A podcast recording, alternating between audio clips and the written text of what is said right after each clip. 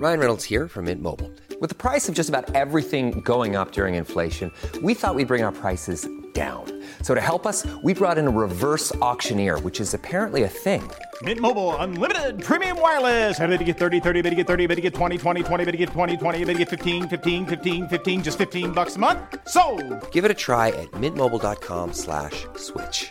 $45 upfront for three months plus taxes and fees. Promo rate for new customers for limited time. Unlimited more than 40 gigabytes per month. Slows. Full terms at mintmobile.com. Malmö FF, ja, med enbart skåningar. Det är ju en riktig skånsk malmöitisk klubb. Det är som Karl XIV Johan sa en gång när han reste förbi skånska landskapet att detta är ju ingen provins, det är ett kungarike, sa han om Skåne. God middag, god middag. Som ni ser så snöar det en smula över nejden. Det plockar fram ett vanligt måttband. Idrotten i Sverige har två organisationer. Den ena är konkret. Ja, både Lena och eh, Anette tyckte jag gick väldigt bra för. Det är kul att vara igång igen förresten. Riksidrottsförbundet med kansli, chefer och handlingsplaner. Vi är ju liksom inte nöjda med det här för vi känner att vi kan gå på alla. Eller, eller jag ska vara bäst. Vi kan gå på alla. Den andra är osynlig. Ett finmaskigt nätverk av människor runt hela landet och som existerar därför att den vill finnas till. Tommy Soran Gemi, en spelare som har roligt när han spelar.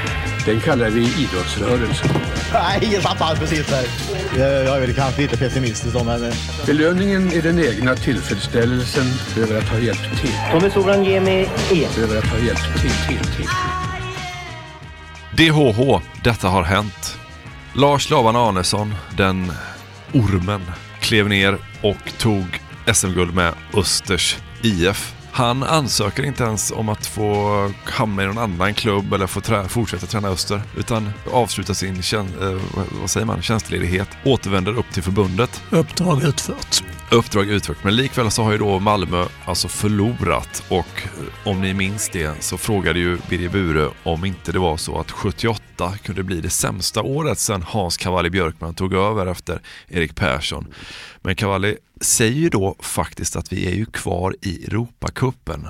Ännu är väl inte allting kört. Och det är ju om denna säsong i Europacupen som detta avsnittet då, del två om Malmös sviniga 70-tal ska handla. Innan vi går in i den första matchen mot AS Monaco som ju ska komma till Malmö stadion och möta MFF så tänkte jag, det finns en härlig scen, det är någon gång de åker eh, på någon Eh, Ska vi kanske säga i Mats Wemans bok Ja, det om det här Europacupäventyret 1979. En väldigt, väldigt bra bok. Mats Weman har skrivit en jättefin bok som heter 1979 när Malmö FF var näst bäst i Europa. Och i den här boken så finns det en härlig scen som man kan säga dels åskådliggör relationen mellan Egon Todde Jönsson, alltså lagledare i Malmö FF, relationen mellan honom och Bob Houghton.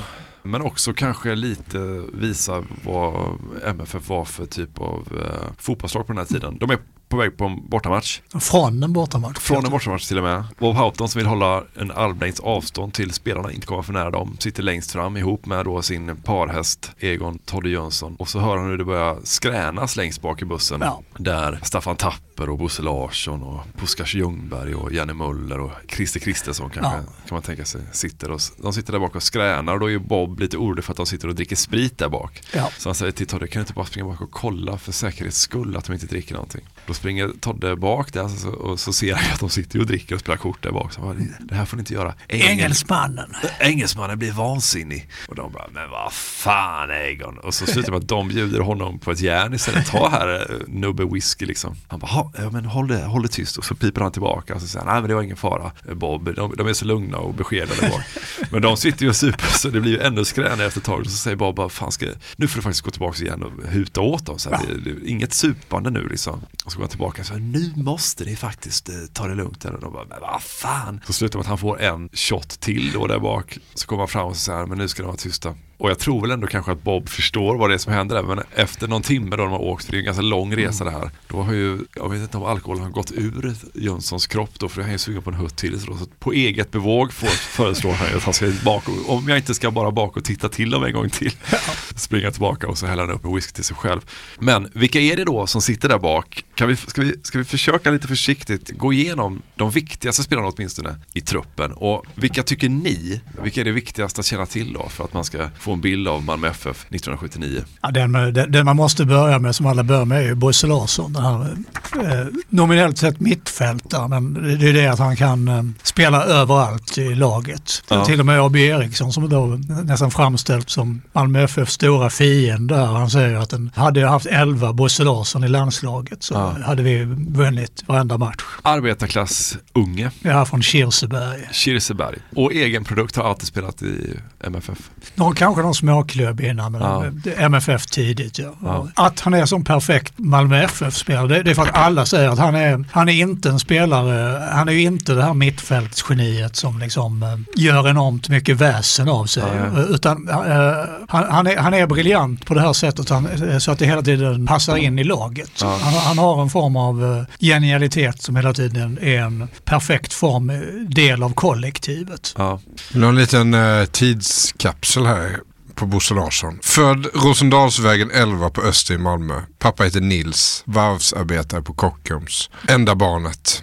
Har bara gott att säga om sin barndom. Både mor och far har jobbat mycket. Mamman heter Asta. Först jobbade hon i en köttaffär och nu kommer tidskapseln här. Nu är hon expedit på Hennes. Så Ja. säger man inte längre. Nej. Det, men det, det minns jag när jag var liten, så sa hon Hennes. Om hennes Mauritz. Var det innan Emmer kom till då? Jag tror att det, det, det, att det har slagits ihop sen, så det var bara hennes. Det Ja, var det en som hette bara Hennes hennes. och en som Ja, jag ska börja säga hennes istället för hår.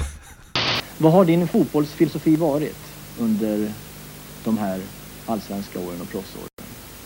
Ja, det är väl väldigt svårt att svara på. Jag har alltid tyckt att det skoj att spela fotboll och varit med i lagidrott och försökt att vara så lojal som möjligt och göra sitt bästa överhuvudtaget. Jag har alltid försökt att hålla mig på jorden. Då ramlar man inte så långt. Din bakgrund har alltså betytt väldigt mycket. Ja, det får jag säga. Det är helt klart. På vilket sätt då? Lärde man sig det hemifrån? Ja, givetvis har man fått en uppfostran men även in, inom föreningen har man fått en viss uppfostran. Jag har väl alltid kanske haft en mentalitet att ja, göra så gott man kan för laget och hjälpas åt. Jobbar som eh, inköps och leveransbevakare vid järnmontering. Vad var det för, Ja, det var- vad är det för gäng? Han fick ett jobb på SE-banken eh, via Cavalli, men han trivdes ju inte där. Staffan Tapper däremot, han gjorde, gjorde karriär inom banken sen. Så det, det funkade ju för somliga, men Bosse han var inte, han eh, var inte gjord för banktjänstemannaarbetet. Men Bosse Larsson, alla tiders MFF-are, Ja.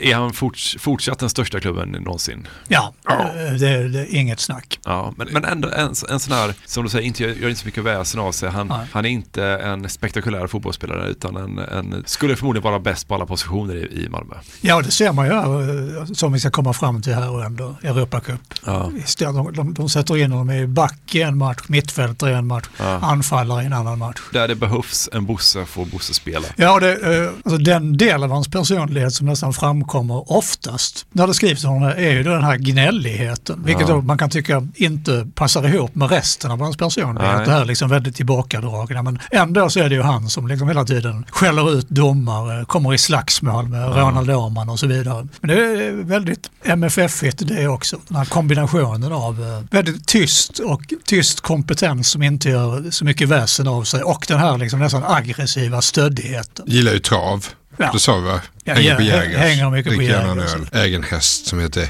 Egor Isa. Egon Toddion.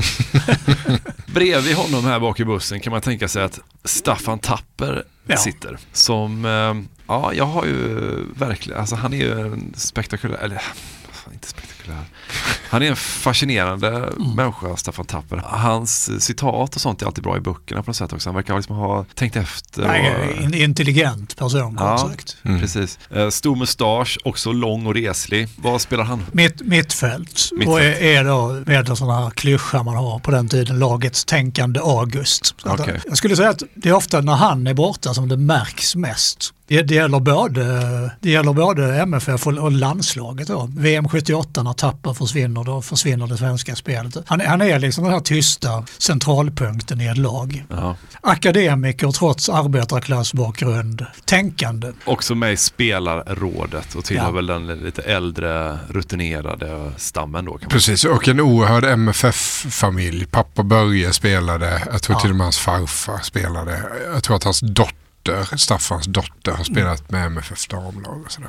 Bör- Börje Tapper med det här klassiska Mm. 49-50 MFF-laget. Några kan vi ta vart efter det lider här, men kanske någon till här nu då när vi ändå är längst bak i bussen. Ska vi, vem väljer vi då? Ska vi ta, ska vi ta Tore Servin? Ja, han är också en, eh, en unik joker som han kallas. Ja. Liksom upp- uppvuxen på marknader runt om i Skåne. Han har pappa som är liksom någon kringåkande boxare. Fan. När man då frågar honom vad han har lärt sig under den här uppväxten så är det att köpa, köpa för en krona och sälja för två. Och han är ju en klassisk måltjuv. Ja, Spillevik. Han spelar- stöter in returer, hugger på allt och därför Ja. kallas han för Jokern. Ja. Också duktig pokerspelare om jag har förstått saken rätt. Så har du ju eh, Anders Puskas Ljungberg som eh, på många sätt liksom också personifierar det här som andra tycker är jobbigt, gnälliga Malmö. Just det. De, till och med de, de egna spelare tycker att han gnäller väl mycket på, eh, Ja. även på dem, mittfältare. Du skriver till mig, vi sökte ju aldrig Benny Magnusson nu, men du skriver till mig Jesper att Benno någon gång ska ha sagt att fan att ställa sig i spelartunneln inför en match och så tittar man till höger om sig så får man syn på de här snyterna som är Bosse Larsson, Tore Sevin, Puskas Ljungberg. Christer Christer. Chris, och så bara, ah, ligger ju liksom under med ett par bollar redan före match. Puskas kommer ju från Limhamn. Ja. Kommer till Malmö, då får han en gammal Ford Cortina. Så att han kan köra till träningen när han Ja. skriver på för Malmö. Är ju faktiskt inblandad i en rätt stor eh, affär i dubbel bemärkelse. När han lämnar Malmö sent 60-tal. Till Åtvidaberg. Precis, och, då, och det är då när MFF precis har tappat guldet eh, sensationellt 68. De får bara 0-0 hemma i, i sista matchen mot Elfsborg. Hade de vunnit så hade de tagit guldet nu. Så vinner sensationellt Öster. Och på guld, självaste festen då efteråt, eller det- fest, fest, men avslutningen, dämpad stämning. Då går Puskas fram till typ Erik Persson och säger "Hör, jag vill faktiskt lämna. Jag vill sticka till Åtvidaberg för det betalar bättre. Och så blev han som alla andra lovad ett jobb någonstans på facit och en datautbildning. Det verkar vara så jävla hett vid tiden. Precis. Så jävla tidigt ändå. Svårt att se Med Puskas den typen av... sitta framför en dat- Ja. data. Ja, men det är... Så han är ju ansedd som svikare. Ja, Han har och samtidigt ju- så, det, det läser man ju på flera sätt. Persson, man fick, ville någon lämna, det var inga problem så länge det inte var IFK Malmö. Men sen så dyker det upp sådana här exempel där, nej, det var inte alls jävla Nej, lätt. men eh, det är nog så här, om man vill lämna och bli, om man vill bli proffs, då är det inga problem. Men inte till konkurrenter i Nej, allsvenskan. eh, och det, det gillar inte Erik Persson. Men samtidigt den här pragmatismen. När han då får höra att eh, Puskas vantrivs också i Åtvidaberg och MFF behöver en spelare, då eh, sväljer Erik Persson sin gamla vrede mot Puskas och ringer honom och säger att ska du inte komma tillbaka ändå. Men dessförinnan där, det är ju, han har ju själv berättat att hela styrelsen är ju i vansinniga på honom. Alla ska tala honom till rätta. As a person with a very deep voice, I'm hired all the time for advertising campaigns. But a deep voice doesn't sell B2B, and advertising on the wrong platform doesn't sell B2B either. That's why, if you're a B2B marketer, you should use LinkedIn ads. LinkedIn has the targeting capabilities to help you reach the world's largest professional audience. That's right, over 70 million decision makers all in one place. All the big wigs, then medium wigs, also small wigs who are on the path to becoming big wigs. Okay, that's enough about wigs. LinkedIn ads allows you to focus on getting your B2B message to the right people. So, does that mean you should use ads on LinkedIn instead of hiring me, the man with the deepest voice in the world? Yes. Yes, it does. Get started today and see why LinkedIn is the place to be to be. We'll even give you a $100 credit on your next campaign. Go to linkedin.com slash results to claim your credit. That's linkedin.com slash results. Terms and conditions apply. Hey, I'm Ryan Reynolds. At Mint Mobile, we like to do the opposite of what Big Wireless does. They charge you a lot, we charge you a little. So naturally, when they announced they'd be raising their prices due to inflation, we decided to deflate our prices due to not hating you. That's right. We're cutting the price of Mint Unlimited from $30 a month to just $15 a month. Give it a try at mintmobile.com slash switch. $45 upfront for three months plus taxes and fees. Promo rate for new customers for limited time. Unlimited more than 40 gigabytes per month. Slows. Full terms at mintmobile.com. materialare, allt möjligt skickar de på honom. Så här, hur kan ni åka till en sån jävla urskog? Är ett, ett försök att få honom att stanna i Malmö upp till Åtvidaberg. Hur fan kan du åka dit? Och så skriver han så här, åt, de skrek åt helvete med dig din jävel. Så och så ska han ner och hämta sina skor. Ja. Så tar med sig sin svärfar ner för att han vågar inte gå dit själv. Men då får ju eh, Folke Lindström, vem fan det var, var det materialare eller? Ja, materialare Ja, tror jag. får ta, kasta ut honom genom dörröppningen, ta tag i mig i nacken och kasta mig handlöst. Och en annan ledare skrek svordom efter mig. Ja, det är så här. jävla uttåg ändå. Ja, Roland Andersson senare, han var ett annat sånt fall. Han, ville, ju- han, han började plugga på GH och, och han insåg att han, han kommer inte klara av att pendla fram och tillbaka till Stockholm. Så då går han då med, mössan i hand givetvis till, till Erik Persson och säger, och han har också med sin fru. Han, säger, han har förstått att man måste ha med sig någon om man ska prata med Erik Persson. Erik, Erik Persson är ändå en gammaldags gentleman så han kan inte vara lika hård. Just det, i en kvinnas närvaro. Nej, men han börjar säga, snälla Erik, alltså, det vore ändå bra om jag kunde få gå till, till Djurgården och flytta till Stockholm. Och säger Erik Persson, vad är det för jävla dumheter? Hänga omkring på guldkrogar på Östermalm. Det är så man gör i Stockholm. ja, det är så det går till på andra ställen. Jun heter, jun, hur säger man det på? Jun skulle jag säga. Ja. Men Puskas då tas ändå eh, tillbaka till Ja. nåder och för att de förstår också att han bidrar med något som behövs. Han är ju ganska hård och bastant, eh, också mittfältare va? Ja, återigen någonting bra som Staffan Tapper säger när de frågar hur kommer det sig Staffan att du aldrig har blivit utvisad? Alltså, men hur skulle jag kunna bli det? I samma ögonblick som jag kommer på fötter igen så har ju redan Puskas eller Bosse eller Christer varit framme och gett den andra på flabben. Ja men då har vi, då har vi Puskas, vi har Bosse Larsson, vi har Staffan Tapper, Tore Servin har vi pratat om. Servin då visserligen lite mindre ettrig anfallare. Mm. Eh, Ska vi bara kasta in den väldige Christer Kristensson som väl är fan störst av dem alla i, Ja. alltså fysiskt, alltså Ja. oerhört stor. Det är någon intervju med honom och man säger, "Vad jävlar han är liksom dubbelt så stor som om det är eh, han som intervjuar honom. Som också är mittback då tillsammans med, Roy fan ska vi prata om Roy Andersson också då? Alltså Det är Patrik svårt och... att komma förbi Roy Andersson. Okej då, Roy Andersson. Och, och, och Roy, I Roys fall så tänker man liksom på tjockleken på låren i första hand. Han har liksom otroliga lår. Och väldigt lik då, som du påpekar Marcus, hans yngste son Daniel Andersson. Mm. De är väldigt lika i ansiktet och sådär. Och Roy Andersson och mittback också. Så att Ja. det är, mittbacksparet är Christer Kristensson, den väldige, och Roy Andersson. Det är Ja. de som utgör Ja. standard mittbacksparet då. Christer Kristersson ser ut lite som han den här sjuka karaktären i No Country for Old Men. Ja, så här Javier. Bardem, jag vet inte riktigt vad det är. Jo, han som på en sån här ja. kompressorpistol. Ja, fan som är jävla ovanlig. Ja. Som frisyr han ju. Ja, ja, faktiskt. Och lika stor är han. Ja. De sitter i alla fall längst bak i bussen och dricker och spelar kort. Att de spelar kort mycket, det vet vi.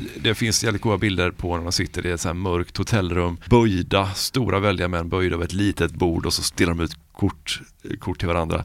Och enligt Janne Möller då, målvakten, så spelar de ju då en skånsk bonnatolva Ja. som är något slags eh, kortspel. Hopplöst sa han, för alla bara fuskade och, och tittade Ja, på det varandras verkar ju vara kort. att man, man deltog med livet som insats.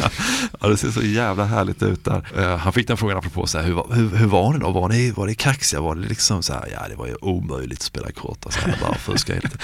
Men, men vad vet vi om drickandet? För att, att döma av den här scenen då med Egon uh, Jönsson så dracks det en del. Gjordes det det? Eller? Ja, det, eh, det, är sånt här det talas tyst om givetvis. Så, här, jag, jag tror det fanns en ganska stark eh, fyllekultur överhuvudtaget i svensk idrott och svensk fotboll på den tiden. Men eh, i MFF-fall, ja, det kommer ju fram en del mellan, eh, sådär mellan raderna. Att, Ja. eh, I en nyutkommen biografi om Erik Persson, där avslöjar Bob Houghton att efter, redan tidigt under sin tid som tränare, så efter någon bortamatch så är spelarna så pass fulla, Bosse Larsson är inblandad, att han tänker peta Bosse Larsson i nästa match. Ja. Om det är en reprimand eller om man tycker att du kan helt enkelt inte vara i form. Ja. Några dagar senare, det framgår inte, men då säger Bosse Larsson, om du petar mig så lämnar jag klubben. Då säger Erik Persson till Bob Houghton att eh, du, eh, Bosse Larsson betyder så mycket för den här klubben och han menar allvar, du måste ta ut honom. Då är Bob Houghton, ungefär som i den här anekdoten med bussen, han fattar ju vad som pågår. Han är ju inte dummare än att han fattar att vissa saker saker måste man helt enkelt uh, rätta sig efter. Ja. Men som sagt, jag tror det dricks en del och, och Lennart Johansson skriver ju också i, sin, i sina memoarer att vid något tillfälle under en landslagssamling 78 så super just MFF-arna till borta på en match i Östtyskland på ett sätt så det blir, så han får efteråt säga till dem att uh, upprepas det här så skickas ni hem allesammans. Ja, man kan ju få en aning också om att det dracks en del i och med att är det inte Erik Persson som har en regel att Ja. bara ett svin dricker mer än två snaps till en, till en middag. Om det krävs en regel, eller Ja. liksom ett förhållningssätt, då kanske den finns som en anledning. Liksom. Ja men alltså det, som sagt, det, det är ju inte en helt professionaliserad eh, verksamhet. Nej. Så, så att jag tror det, det ingår ju ganska mycket att man, det här är lite fortfarande en, eh, vad ska man säga, ett nöje eller en hobby. Ja. Så tillvida att åker man på en match så ska man fan kunna unna sig ett, Ja. ett par järn i, i bussen efter matchen. Det hör väl till. Röker gör ju några också. Bosse Larsson till exempel röker, Mm. det vet vi. Janne Möller berättade en gång att när han var ny i laget och de skulle åka på någon tågresa så hamnade han ihop med Bosse Larsson och Christer Kristensson. Och då så, Bosse Larsson måste vara längst ner för han måste ha nära till askkoppen. Och Christer Kristensson sov i slafen ovanför honom. Så du får sova högst upp sa de till Janne Möller. Och då tittade han bara upp i taket i den här tåg och bara, det är liksom bara en hatthylla där uppe. Janne Möller är 1,94 Ja. så han fick han kravla upp och ligga på sidan högst upp. Ja, det- liksom med ansiktet mot taket. Så röker de också. Men vem vet, det kanske inte är så mycket mer än eh, andra idrottsmän på den här tiden. Men apropå ett persongalleri, apropå Börje Lantz, apropå den här visionen som Hans Cavalli Björkman eh, har. Att man inte längre kan bygga ett lag bara med killar från Kirseberg. Så eh, undrar jag, kommer ni ihåg Edson Rodriguez, Ro- Rodriguez Monteiro? Ja, det, det, det, det är ett namn som har dykt upp Mm. bara. Ja, det är en liten, liten, eh, vi kan bara knöla in honom här tycker jag. Det är en liten bortglömd eh, pärla. Det är ju en brasse Ja. som plockas med hjälp av Börje Lantz Ja. till Malmö. Kommer Precis. när det är snöstorm. Ja, det är väl den riktigt hårda vintern va? Ja. Det är typ, Den minns ju jag alla, alla skåningar. Vintern 78-79. Så som klass, liksom det, folk blir insnöade och det, det, Då kommer Monteiro. Ja. då kommer Montero. Och det är väl inte helt förankrat med Bob Houghton att han ska komma. Nej, men det är väl ett led i det som vi talade, där Cavalli Mm. har börjat tänka, fan vi, vi måste börja värva och vi kanske måste till och med göra så här spektakulära värvningar. Det landar ju inte alls bra hos Bob. Nej. Kanske också viss akklimatiseringsproblematik. kan man lugnt tänka sig. Men han, jag tror eh, han får alltså 1500 dollar i månaden i lön sägs det. Det väl ganska bra eller? Man undrar ju om tanken bakom, om man tidigare har liksom haft svårt att, assimilera västgötar. Eh, och, och liksom eh, en göing som Ingmar Erlandsson är det mest exotiska. eh, man har. Att, att då liksom importera en brasilianare minns i, mitt i den, i den hårdaste vintern i Skånes historia. Ja, men han kommer ju, eh, får, tror jag, spela 15 minuter med A-laget. Bob gillar ju inte den här värvningen. Flyttar ner dem i B-laget. Inte ens där får han vara kvar. Så han får träna med juniorlaget. Trots att han är 21 så tycker Bob att han är alldeles för ung och valpig. Jag läste Henrik Brandao Jönsson har ju sökt upp honom i Ja, men- Brasilien. Såklart. Tyckte det var lite fin eh, slutscen här då. Han, är ju, han, han tycker att Bob förstörde hans liv i princip ju. Ja, ja, han ja. flyttade tillbaka till Brasilien så går han rakt in i så här Vitorias A-lag och Mm. gör det ganska bra ifrån sig. Men är ändå ganska stukad eh, av det här Malmö-äventyret. Och i den texten står beskrivet att det sista Monteiro hade att göra med Malmö FF, det var en tennismatch som Börje Lantz bjudit in honom på. Bara för att de skulle släta över den här dåliga idén med att ta dem till Malmö. Då skulle Börje och Monteiro spela dubbel mot Hans Cavalli Björkman och Bob Houghton. och då säger Monteiro så här. Jag hade bara en sak i huvudet. Jag ska smasha bollen i nyllet på Bob Houghton. Jävlar. Men det gick inte. För jag hade ju aldrig spelat tennis. Ja. Stackars Alla människor. vet hur tråkigt det är att spela tennis men med det någon känns som inte kan. Det går inte. Ja, herregud. Vad, vilken jävla utmaning att ta sig in i det här gänget. Ja.